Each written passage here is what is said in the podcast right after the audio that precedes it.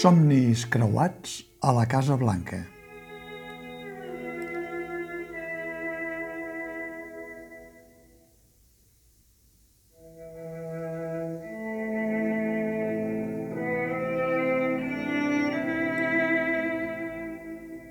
A la recreació del concert que el músic Pau Casals va fer a la Casa Blanca l'any 1961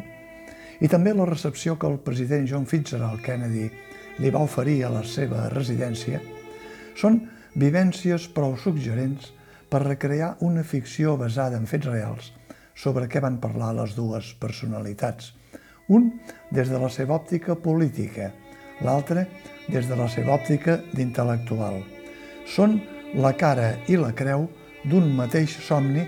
que els dos intenten aconseguir, ni que sigui per vies diferents. El dramaturg, periodista i productor audiovisual Jordi Roger ho aprofita per fer un document teatralitzat i històric sobre un període on, per variar, era tan convuls com tants altres períodes passats i presents de les relacions internacionals. Un període tràgic, en aquest cas, que acaba amb l'assassinat l'any 1963 a Dallas del jove president dels Estats Units. Un crim encara avui sense aclarir, mentre que els que en podrien saber alguna cosa, com per exemple el centenari Henry Kissinger, mort recentment, s'emporten el secret a la tomba. L'obra Un concert a la Casa Blanca ha fet una extensa gira dins del programa de la Federació d'Ateneus de Catalunya i l'acaba ara en una limitada temporada convencional al Teatre Gaudí Barcelona, en un moment en què tot just coincideixen diferents efemèrides. La del cinquantenari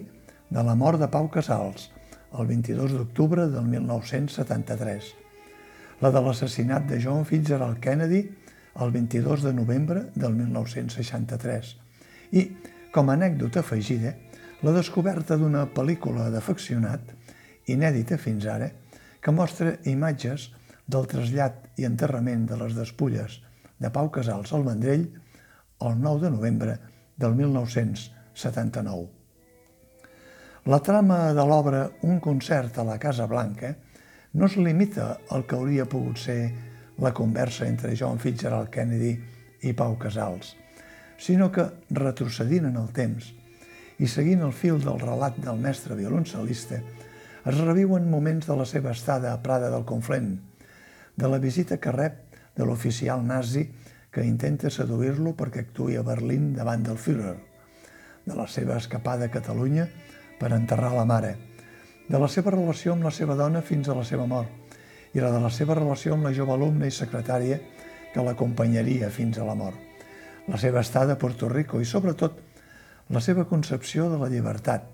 la seva irreductible concessió a la dictadura franquista i, per extensió,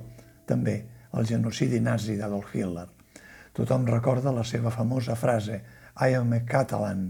a l'ONU quan el 1971 rep la medalla de la Pau. Pau Casals era un personatge cívic que a l'exili de Prada va ajudar molts dels refugiats de la Guerra Civil fins que gairebé acaba arruïnat, sense poder fer concerts o sense acceptar aquells que haurien traït la seva dignitat. Però Pau Casals era sobretot un pacifista i aquesta és la principal línia que segueix la trama de l'obra, en un moment, per cert, que fa més falta que mai quan sembla que tothom s'hagi oblidat de pronunciar un no rotund a qualsevol guerra. El músic és interpretat amb fermesa quan cal i amb contenció quan convé per l'actor Mingo Ràfols, que és qui condueix gairebé tot el discurs, mentre l'escolta o li dona la rèplica al personatge de John Fitzgerald Kennedy, que interpreta l'actor Roc Esquius. Entre ells dos, l'actriu Mercè Pons hi fa tots els papers dels altres personatges que apareixen en els salts enrere que el mateix Pau Casals fa en els seus records. La seva dona, l'oficial nazi de Prada, el representant musical, el secretari de Winston Churchill, la dama Jacqueline Kennedy, la tècnica d'un enregistrament a l'estudi, quan Casals acompanya el violoncel amb el seu so de veu. Tot presidit a l'escenari per l'emblemàtic violoncel, una tauleta amb un tauler d'escacs parada i la tarima amb les cadires de braços que representen la recepció a Carls Kennedy. El muntatge que dirigeix Lorenz Rafeques, ben interpretat, ben matisat d'il·luminació i acompanyat d'algunes imatges en blanc i negre de l'època, compta amb el so de fragments de Johann Sebastian Bach, algun fugaç del Pessebre, de Joana Lavedra i Pau Casals, o del cant dels ocells. A més, d'una altra anècdota de quan Pau Casals era a Prada i va rebre els nens del Vendrell que li ofereixen una exhibició castellera, perquè els castells era una altra de les passions idealitzades pel record familiar de la infància del músic. El discurs de l'obra, tot i que podria semblar que es queda limitat al que envolta la vida i la passió de Pau Casals, s'expandeix també cap a una etapa històrica de la política nord-americana i internacional, la Guerra Freda amb Rússia, la justificació dels aliats per mantenir el règim de Franco com a escut contra el comunisme, la visita de John Fitzgerald Kennedy a Berlín clamant contra el mur i declarant que ell és també un berlinès, la greu crisi dels míssils de Cuba, que va estar a punt de provocar la Tercera Guerra Mundial en un cap de setmana de negociacions entre els Estats Units i Rússia al límit i, per descomptat,